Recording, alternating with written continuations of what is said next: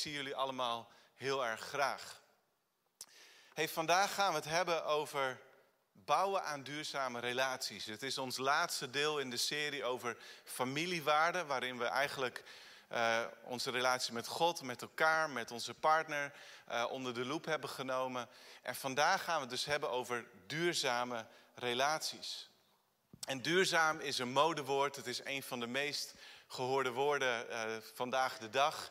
En dan gaat het heel vaak over het milieu, over onze wereld dan gaat het erover van hey, hoe kunnen we nou op zo'n manier omgaan met resources en met uh, materialen dat het zo weinig mogelijk impact heeft op ons milieu. Hoe kunnen we nou ervoor zorgen dat we onze wereld wat beter achter kunnen laten aan de generaties die na ons komen? En dat is belangrijk. De vraag is dan hoe snel en hoe kunnen we overstappen op, meer, uh, op, of op minder belastende energiebronnen. Nou, het woord duurzaam bestaat uit twee delen, duur en zaam. Duur heeft te maken met lang en zaam is een beetje oud-Nederlands, wat betekent geneigd tot of geschikt voor. Dus als je spaarzaam bent, dan ben je geneigd om te sparen. Of als, als iets buigzaam is, dan is het dus geschikt om te buigen. Dus duurzaam betekent letterlijk geschikt om te duren, geneigd om lang te blijven, om bestendig te zijn, om weinig vergankelijk te zijn, om aanhoudend te zijn. Dus hoe kunnen we zo bouwen aan relaties dat ze geschikt zijn, dat ze geneigd zijn om lang te duren? En relaties zijn zo bedoeld. Maar we weten allemaal uit de ervaring van het leven dat het niet altijd vanzelf gaat en dat het niet gemakkelijk is om langdurige relaties te hebben. Als ik naar mijn eigen leven kijk, dan zijn er mensen gekomen en gegaan. Er zijn bijvoorbeeld vriendschappen voor een bepaalde periode geweest. Als ik kijk naar mijn studententijd, dan trok ik vier jaar lang op met een uh, groep mensen met wie we echt vriendschap sloten.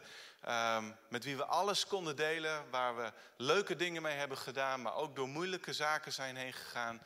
En toch, we woonden 100, 200, 300 kilometer bij elkaar vandaan. En um, dan kwam het aan op bellen. Nou, ik weet niet hoe, dat, uh, hoe jullie dat ervaren, maar uh, ik zie vaak dat dat voor mannen wat moeilijker is dan vrouwen. Uh, ik ben niet zo'n beller, dus de telefoontjes worden al snel minder, het bezoek wordt minder en op een gegeven moment is de vriendschap verwaterd. Er zijn ook um, vriendschappen gestopt of relaties gestopt door sterke persoonlijke veranderingen. Of door niet waargemaakte verwachtingen. Ook van mijn kant. Ik mag mezelf echt gelukkig prijzen. Ik ben heel erg blij met een groot aantal duurzame, stevige relaties waar ik heel erg van op aan kan. Maar toch heb ik zelf ook niet altijd de benodigde toewijding aan de dag gelegd om een relatie staande te houden. En de voorbereiding op deze preek was daardoor soms ook best wel confronterend. Van hé hey Jelmer, hoe doe je dat nou? Richting Eva, richting de kinderen, richting vrienden, richting gemeente. Hoe staat het ervoor? En mijn gebed voor vandaag is dat God tot ons allemaal zal spreken. Over de zoon of dochter, de broer of zus, de ouder, de familielid, gemeentelid, teamlid, een vriend die we zijn. Het gaat erom dat we vandaag niet van onszelf afkijken hoe schieten anderen tekort, maar het gaat erom hoe doen wij het. En welke stap of welke stappen moet ik zetten om relaties te verduurzamen? Nou, we leven in een tijd waarin relationele armoede op de loer ligt. Als je gewoon kijkt naar, uh, blijkt ook uit onderzoek, dan hadden mensen nog maar 25, 30 jaar geleden vaak meer echt intieme vrienden dan vandaag de dag. Het gemiddelde ligt ongeveer zo rond de drie echte intieme vrienden. Daarnaast kennen we een enorm aantal echtscheidingen. Wat impact heeft natuurlijk op de man en vrouw die uit elkaar gaan, maar ook op de kinderen. Op de rest van de familie. Op vrienden die ineens uh, moeten kiezen voor hun gevoel. Met wie gaan we mee? Met wie houden we contact? En kunnen we het allemaal wel onderhouden? En het gebruik van telefoon, appjes, social media heeft aan de ene kant iets toegevoegd aan vriendschappen. Het heeft dingen mogelijk gemaakt die voorheen niet mogelijk waren. En aan de andere kant heeft het soms ook een negatieve impact. En naast toegenomen mobiliteit of mensen die te veel werken omdat ze hun carrière een boost willen geven, daardoor uh, laten we sporen na in onze relaties. En als ik terugdenk aan de serie Mental Health die we uh, in april tot en met half mei deden, dan zien we ook dat er geestelijke en mentale factoren zijn die impact hebben op onze relaties, zoals boosheid, bitterheid, angsten, onvergevingsgezindheid. Dus relaties staan op allerlei manieren onder druk. En bij, we denken vandaag de dag aan, uh, als we uh, het woord duurzaamheid, revolutie horen, dan denken we dus aan hoe kunnen we nou beter voor onze wereld zorgen. Maar lees jullie mee, in een tijd van relationele armoede hebben we een nieuw soort duurzaamheidsrevolutie nodig. En dat is bouwen aan slijtvaste, langdurige relaties. En ik wil vandaag met jullie kijken naar het ABCD.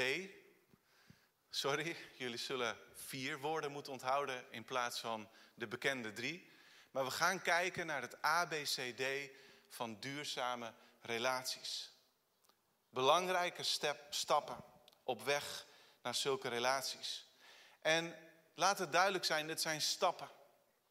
Het is niet zo dat je in één keer tot hele duurzame relaties komt. Dat heeft tijd nodig. Of het nu met je ouders is, met je partner, met je kinderen, met vrienden, met andere gemeenteleden. Het gaat over tijd. Het kost op twee manieren tijd. Het vraagt van ons dat we er regelmatig tijd voor inplannen. En het heeft ook een langere tijd nodig. Als ik kijk naar het bouwen van een huis, uh, van onszelf, uh, een, een, verbouw van een huis of, of, allerlei familieleden en vrienden die met een, een nieuwbouwhuis bezig zijn of zijn geweest, dan heeft dat tijd nodig, jaren soms, om tot iets goeds te komen. En als je eenmaal dat huis hebt gebouwd, dan ben je ook niet klaar, dan is er onderhoud nodig. Dat geldt ook voor een auto. Ik heb nog nooit een, een nieuwe auto gekocht, maar uh, het schijnt dat je dan de eerste paar jaar niet direct een APK hoeft te doen. Men gaat ervan uit, die auto is goed gebouwd, die is een paar jaar veilig. Maar die auto is niet op zo'n manier gebouwd dat die ook twintig jaar lang zonder problemen mee kan gaan. Daarvoor is een jaarlijkse APK nodig, een grote beurt, een kleine beurt. Er is altijd wel wat, het kost altijd geld, maar die auto die wil je ook op de weg houden. Hij is gebouwd om lang te duren, maar het vraagt ook een investering steeds weer opnieuw. En zo is het ook met duurzame relaties. Laten we kijken naar stap 1. Dat is de A van aanwezig zijn. Dat betekent wees beschikbaar. Wees emotioneel beschikbaar, maar wees beschikbaar. En dit is eigenlijk de basis onder de drie andere stappen waar ik het vandaag over wil hebben. Present zijn, aanwezig en beschikbaar. Met je gedachten in het moment zijn bij de mensen bij wie je bent. En dat klinkt heel gemakkelijk, maar in de praktijk is dat soms best nog wel heel erg lastig om echt aanwezig te zijn. Misschien kennen jullie het wel, maar als ik druk ben, of als ik in mijn gedachten met bepaalde situaties of gesprekken of woorden die zijn uitgesproken bezig ben, dan kan ik in de kamer zijn en toch helemaal niet aanwezig zijn. Dan kan het zo zijn dat Eva iets tegen mij zegt en dat ik zeg ja, uh, wat zei je? Dat ik haar daarna met mijn ogen wel aankijk, maar mijn gedachten nog steeds bij dit andere zitten. Dat ze het dus nog een keer zegt. En dat ik tot mijn schaamte tot een derde keer moet zeggen: Sorry, wat zei je nou eigenlijk precies? Wat moet ik doen, bijvoorbeeld? want dat, zo gaat dat vaak. Maar in ieder geval, ik ben in de kamer en ik ben niet aanwezig. Dat geldt ook voor mijn jongens. Dat mijn, mijn hoofd helemaal ergens anders zit, dat ik met hun wil spelen of tijd wil doorbrengen, maar ik ben er helemaal niet. En dat kan zijn met vrienden, dat kan overal zijn, je kan het voor jezelf invullen. Maar aanwezigheid is krachtig, maar het is soms best wel heel erg moeilijk. Ik, dan ben je emotioneel niet beschikbaar. En een van de hinderlijke factoren vandaag de dag om aanwezig te zijn is de telefoon. Dat is die smartphone die altijd bezig is, die altijd iets laat weten. Uh, er komt altijd wel iets binnen. En ik dacht, laat ik eens even kijken wat de ervaringen daarmee zijn. Uh, en ik dacht, weet je, ik ga ontdekken dat ouders zich ergeren aan het telefoongebruik van hun kinderen. En soms zie je dat ook wel, dat tieners bijvoorbeeld bij elkaar kunnen zitten, eh, samen op de bank en allebei of alle drie of alle tien in hun eigen telefoon. En toch hebben ze het idee, we zijn bij elkaar, maar ze praten niet met elkaar. Ik kan dat altijd heel moeilijk begrijpen, dus ik dacht, ik ga wel iets vinden over kinderen of tieners en de ergernis van telefoongebruik. Maar wat blijkt, um, even kijken hoor, ik ben even het cijfer kwijt. Maar um, uit onderzoek komt naar voren dat bijna een kwart van de kinderen zich ergert aan het telefoongebruik van hun ouders. En één op de drie ouders geeft ook toe dat hun kinderen regelmatig opnieuw hun aandacht moeten vragen, omdat hun ouder de telefoon aan de hand heeft geplakt en helemaal niet aanwezig is.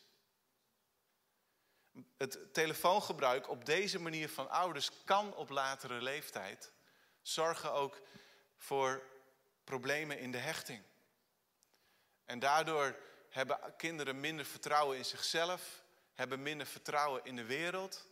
En dat heeft alles ermee te maken dat ouders emotioneel niet beschikbaar zijn.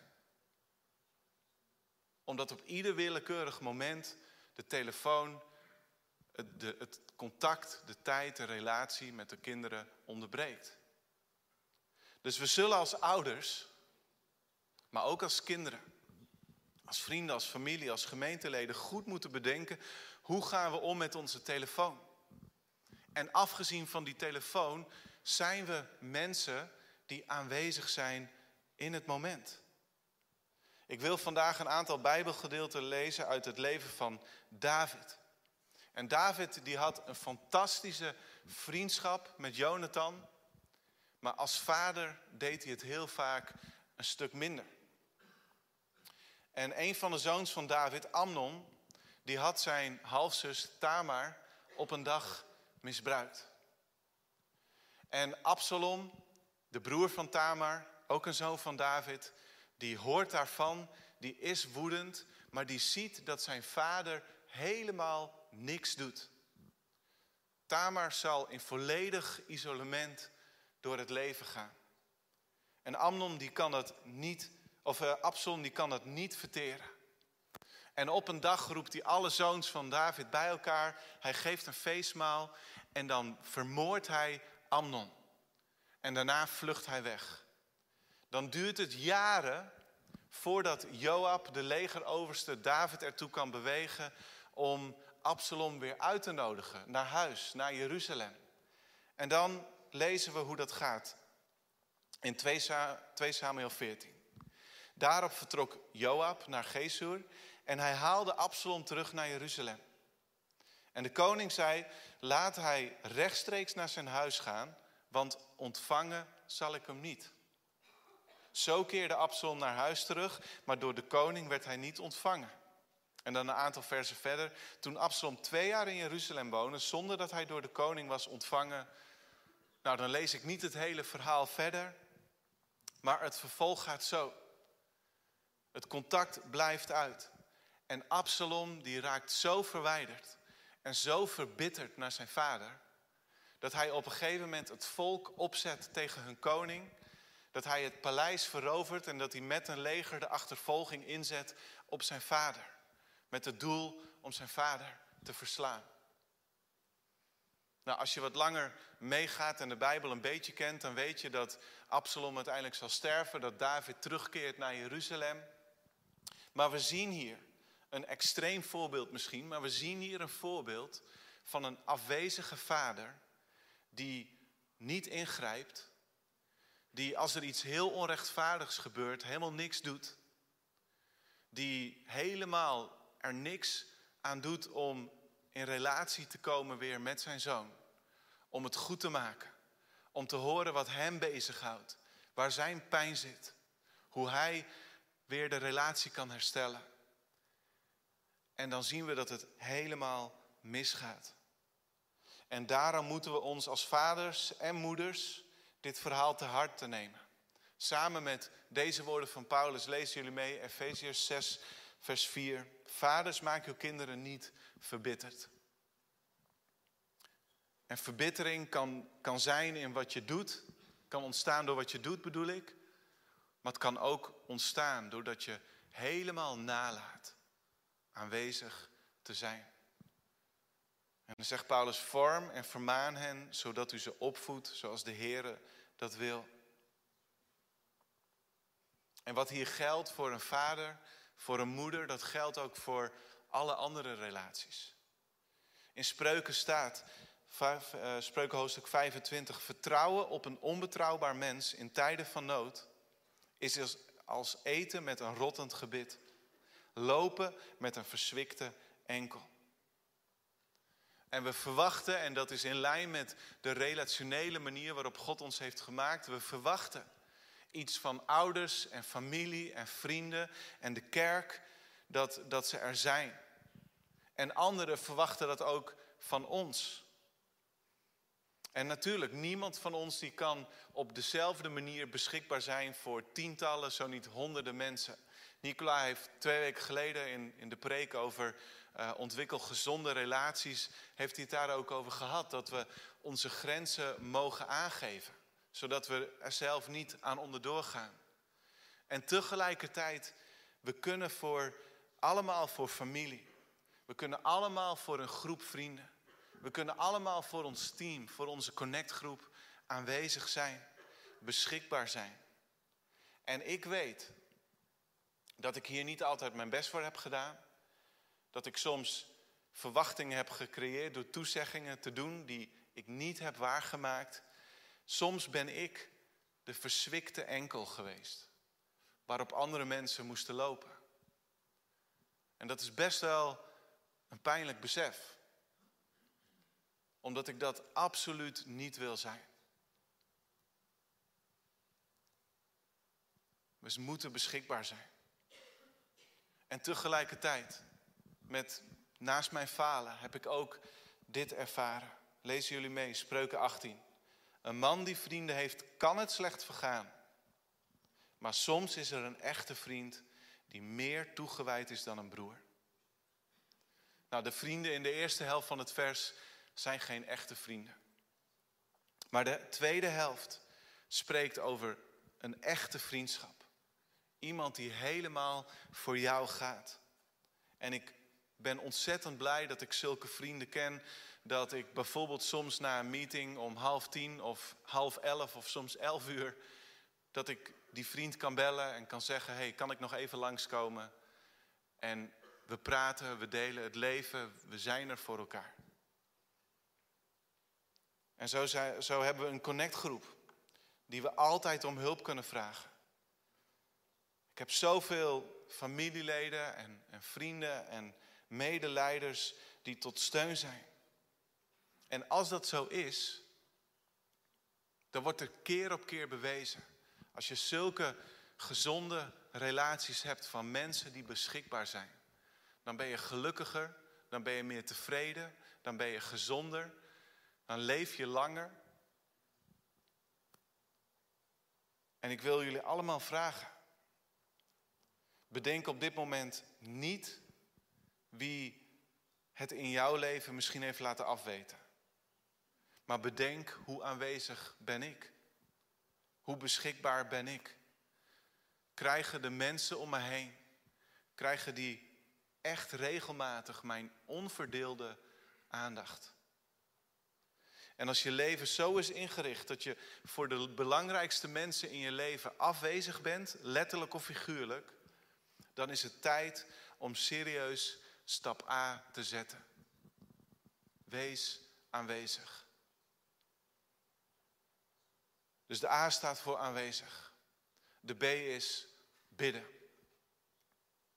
Ga in gebed voor elkaar en ik had er eigenlijk bij moeten zetten met elkaar.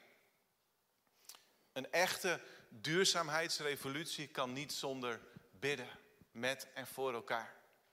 En ik heb er even aan getwijfeld, zal ik deze erbij zetten? Het paste zo mooi in de B. Ik kon zo niet iets anders bedenken. En ik dacht, het klinkt zo, zo vroom. En ik ben heel eerlijk, dit is ook een punt waarop ik juist kan, kan groeien. En toch heb ik het erbij gezet, omdat ik zo vaak heb ervaren dat samen bidden mij bij andere mensen uh, terugbracht of dat onze relatie werd verdiept, omdat bidden verbindend is.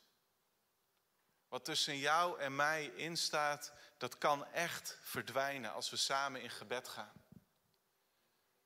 Door samen te bidden raak je op elkaar afgestemd, omdat je ieder afzonderlijk, als, als partners, als kind, als, uh, als connectgroep, als team, omdat je ieder afzonderlijk afgestemd wordt op God, ben je dus ook meer afgestemd op elkaar. En Paulus die schrijft in Efeziërs 6, laat u bij het bidden leiden door de geest, iedere keer dat u bidt. Blijf waakzaam en bid voortdurend voor alle heiligen. Bid voortdurend. Relaties worden beter op het moment dat we voor elkaar bidden. En dat geldt binnen de gemeente waar het over gaat in Efeziërs 6, maar dat geldt ook voor alle andere relaties. Als je samen bidt, neemt eenheid toe. Je verlangens worden meer gelijk. Als je voor elkaar bidt, ontstaat er meer ruimte voor begrip en open gesprek. Als je voor elkaar bidt, heb je minder de neiging om boos te blijven, om verbitterd te raken. En ik wil de volgende Bijbeltekst met jullie lezen over gebed. Als iemand zijn broer of zus een zonde ziet begaan die niet tot de dood leidt, moet hij voor hem of haar bidden en zo de zondaar het leven geven. Is best wel opvallend. Als je iemand ziet zondigen, dan staat er: ga niet veroordelen. Ga niet hoogmoedig op iemand af van jongen, wat doe je nou? Maar bid voor diegene, zodat diegene leven ontvangt. Dus voor wie of met wie zou jij meer kunnen gaan bidden?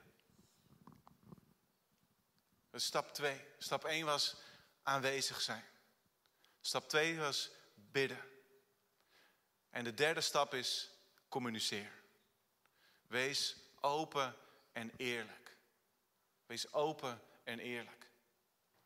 Alle relaties worden beter wanneer er wordt gecommuniceerd. En ook als die communicatie open en eerlijk is. En zoals ik al zei, ik ben soms vrienden in mijn leven kwijtgeraakt omdat we ver uit elkaar gingen wonen, omdat de belletjes stopten en omdat we helemaal niet meer communiceerden. Je hebt communicatie nodig. En naast de koetjes en de kalfjes en de praktische afstemming en de, nou, gewoon de, de, de leuke dingen, heb je het ook nodig om echt de diepte in te gaan. Een relatie wordt duurzaam als de communicatie zo open en eerlijk mogelijk wordt. Als we onszelf laten zien, onze gevoelens, onze kwetsbaarheden, dat wat we meemaken in het leven. En als dat wederkerig is, een vriendschap moet van twee kanten komen, een relatie moet van twee kanten komen, dan verdiep je relaties. Dan leer je elkaar begrijpen. En eerlijkheid hebben we ook nodig op het gebied van feedback geven en ontvangen. Heel veel mensen hebben een moeilijke relatie met feedback. En we hebben het de laatste jaren daar best wel veel over gehad, maar heel vaak spreken we onszelf niet uit, omdat we misschien bang zijn om de ander te kwetsen. Maar we praten er vervolgens soms wel met andere mensen over. We geven soms onze mening ongezouten, zonder tact. We sparen en we sparen op totdat het uitbarst als een bom. We kunnen kritiek soms niet ontvangen en we schieten al te snel in de verdediging. Gezonde feedback is niet altijd gemakkelijk, maar wel belangrijk. En het levert ons als persoon ontzettend veel op. Het is goed voor alle vormen van relaties. En David had zo iemand die open en eerlijk naar hem kon communiceren. Naast Jonathan was dat Nathan, een profeet. En Nathan die, die durfde alles te zeggen. Niet 80%, niet 90%, maar 100% van wat hij moest zeggen om een verschil te maken. En David heeft op een gegeven moment gezondigd. Hij heeft geslapen met Bathsheba. Hij heeft haar man laten omkomen in de strijd. En dan komt eh, Nathan naar hem toe en die vertelt hem eerst een verhaal. Een verhaal met een hele duidelijke bad guy. En David die reageert dan ook van, die man, die moeten ze straffen. En dan zegt Nathan tegen David, die man, dat bent u. Laten we het met elkaar lezen. 2 Samuel 12. Nathan die zegt, die man, dat bent u. Dit zegt de Heer, de God van Israël. Ik was het die je salfde tot koning van Israël. Ik was het die je redde uit de greep van Saul. Maar jij bent die man die heeft gezondigd. En door deze confrontatie komt David tot berouw. En hij komt eigenlijk tot een dieper niveau van intimiteit met God. Omdat Nathan hem niets onthoudt. De Bijbel zegt veel over dergelijke openheid, over volledige eerlijkheid. En ik wil gewoon een, paar teksten voorlezen zonder er heel diep op in te gaan. Om, het zijn praktische teksten uit spreuken met name en, en ze spreken voor zich. Er staat bijvoorbeeld in Spreuken 27, beter dat je openlijk terechtgewezen wordt dan dat je uit liefde wordt gespaard. Of vers 6 in een andere, naar mijn idee even duidelijker vertaling wat er precies staat. Er staat, wonden door iemand die lief heeft zijn tekenen van trouw. Dat is mooi, sommige wonden. Soms zegt iemand iets tegen je en dat doet echt even pijn. Maar het is niet een teken van belediging of afbraak. Het, het is een teken, een uiterlijk kenmerk van trouw, van toewijding aan jou. En dan staat er nog, overvloedig zijn de kussen van een hater.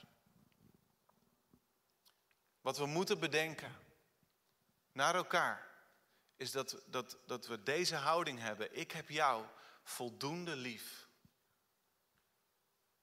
om je de feedback te geven die nodig is. Ik wil alles zeggen. En de ander heeft de houding nodig. Ik wil het ontvangen. En ik ga het dragen als een teken van trouw. En zulke kwetsbaarheid leidt met gebed zelfs tot genezing. Hele bekende woorden, Jacobus 5, er staat daarom, beken elkaar uw zonde en bid voor elkaar. Dan zult u genezing ontvangen. En C.S. Lewis die zegt het zo ontzettend mooi. Lees jullie mee. Liefhebben is kwetsbaar zijn. Hoe dan ook. Heb iets of iemand lief en je kunt er zeker van zijn dat je hart doorstoken en wellicht gebroken zal worden. Als je het beslist intact wil houden, zul je het aan niemand uit handen mogen geven. Zelfs niet aan een dier. Omwikkel het maar zorgvuldig met hobby's en met kleine gemakken. Blijf verder overal buiten. Berg het veilig op in het doosje of de doodskist van je egoïsme. Maar ook in dat doosje. Veilig, donker, roerloos en luchtdicht. zal het een verandering ondergaan. Gebroken wordt het niet, maar het wordt onbreekbaar, ondoordringbaar, onverzoenbaar. En dan zegt C.S. Lewis als laatste nogmaals: liefhebben is kwetsbaar zijn.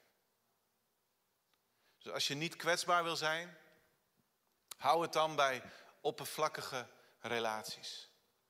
Maar als je God wil toestaan om jouw ziel te verbinden met mensen om je heen, dan zul je gekneed worden, dan zal zo'n verbinding je vormen, dan zal het soms pijnlijk zijn, maar ook in de goede zin van het woord.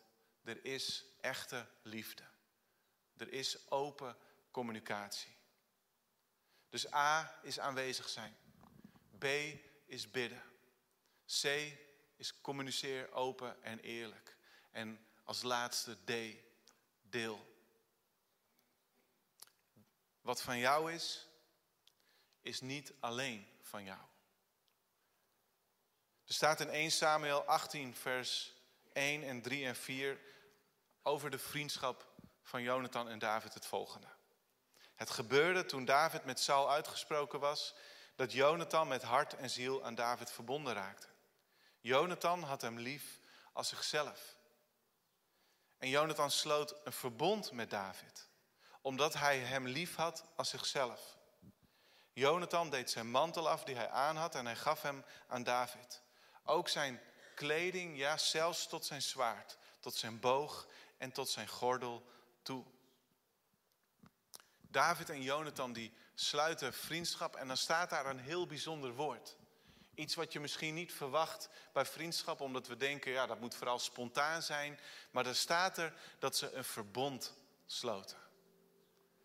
En dat is ontzettend mooi. Waarom een verbond? Het klinkt heel formeel, het klinkt heel plechtig. Het klinkt misschien wat, wat stijf. En toch is het zo ontzettend mooi om zo naar vriendschap te kijken. Het laat namelijk het hart van echte vriendschap, het laat het hart van iedere relatie zien. Dat er sprake is van een verbond, van verbinding.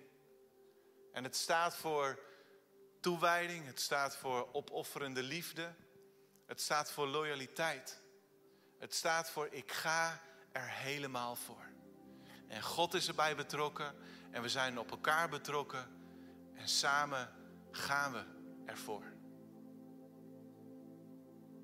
Je zegt tegen elkaar, ik ben er voor je als het goed gaat en ik ben er voor je als het niet goed gaat. En dat is wat je ziet in die prachtige vriendschap tussen David en Jonathan. En Jonathan die geeft dan zijn mantel, zijn kleding, zijn zwaard, zijn boog, geeft hij aan David. En daarmee zegt hij eigenlijk, David, jij bent de gezalfde. Jij mag koning worden. Jij mag opbloeien. En Jonathan die was de kroonprins.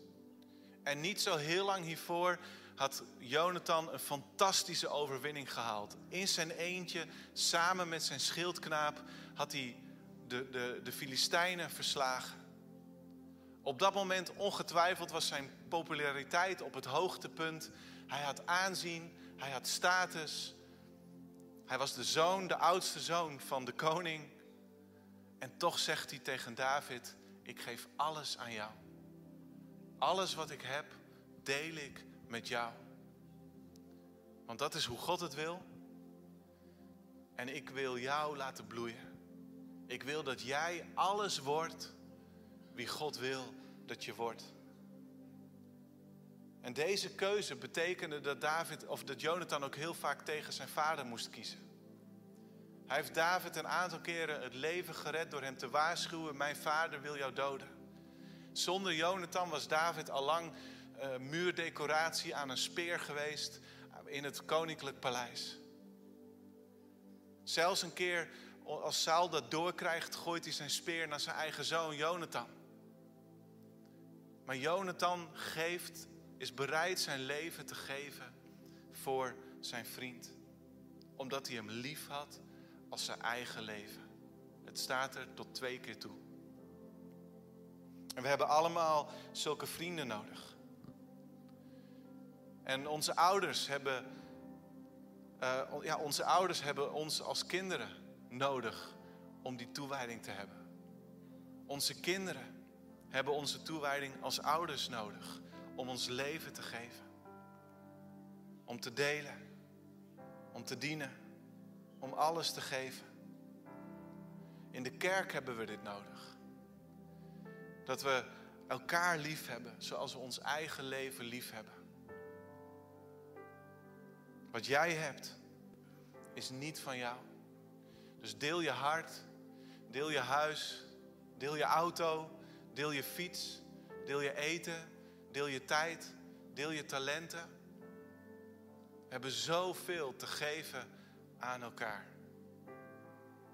Het ABC ND van belangrijke stappen naar duurzame relaties is geen magische formule. Laat dat duidelijk zijn. Als je deze stappen zet, dan ga je op weg. Dan ben je er nog niet. Maar dan kunnen wel al onze relaties toegroeien naar duurzaamheid. Naar iets wat geneigd is om lang te bestaan. Iets wat geschikt is om aanhoudend te zijn. Vasthoudend. Slijt vast wat het leven ook op ons afbrengt. Dus wees aanwezig. Ga in gebed met en voor elkaar. Communiceer open en eerlijk. En deel alles wat je hebt met de mensen om je heen. Zullen we met elkaar gaan bidden. Lief Vader in de hemel, we danken u wel, Heer, voor uw prachtige ontwerp. Heer, om als mens in relatie te leven met u en met elkaar. En Heere God, vandaag willen we heel eerlijk zijn. Vandaag willen we niet naar de ander kijken, maar willen we naar onszelf kijken. Heer, vandaag stellen we de vraag: wat voor zoon of dochter ben ik van God? Van mijn ouders? Wat voor ouder ben ik? Wat voor vriend ben ik? Hoe ben ik familie? Hoe ben ik lid van mijn connectgroep? Hoe maak ik deel uit van het team binnen de kerk, buiten de kerk, op mijn vereniging? En Heere God, als we zo eerlijk naar onszelf kijken, dan dank ik u dat we niet met veroordeling naar onszelf hoeven te kijken. Maar dat we vandaag in ons hart beslissingen mogen nemen. Om stappen te zetten naar duurzame relaties. En God, ik bid onze relaties. Ik bid om wijsheid, Heer, om te beslissen in welke relatie hoeveel we moeten investeren. Ik bid dat we niet onze grenzen over zullen gaan. Ik bid dat we geen verkeerde verwachtingen van onszelf of van de ander zullen hebben. Maar ik bid, Heer, dat waar het mogelijk is, dat we eerlijk zullen zijn als we niet voldoende present zijn, aanwezig. Heer, ik bid dat de telefoon, dat andere afleidingen aan de kant gaan. En dat we naar elkaar kijken en naar elkaar luisteren. Dat we gaan zitten om te spelen. Dat we gaan zitten om te praten. Dat we gaan zitten om te luisteren. Heer, ik bid dat we met elkaar U zullen zoeken. Heer, ik bid dat waar er ook maar boosheid is, Heer, dat het geen bittere, bittere wortel wordt. Omdat we samen naar U toe gaan. Heere God, ik bid dat we open en eerlijk durven te zijn. En dat we zullen ontvangen wat er wordt gezegd, dat we zullen doorgeven wat we moeten zeggen. En ik bid dat we vrijgevig zullen zijn met alles wat we hebben. Heer, dat het niet om onszelf gaat, maar dat we ja, de mensen die u ons hebt toevertrouwd zullen laten bloeien door alles te geven. Heere God, we bidden om uw zegen. Over onze families, over onze gezinnen. Heer, over onze vriendschappen, over onze gemeente. In Jezus' naam. Amen. Zullen we met elkaar gaan staan?